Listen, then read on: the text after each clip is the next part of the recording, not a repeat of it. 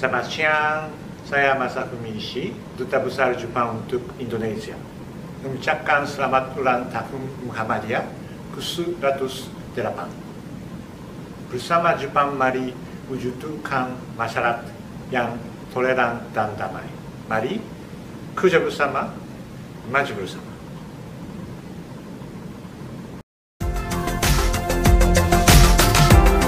Radio Muhammadiyah dari Muhammadiyah untuk semua.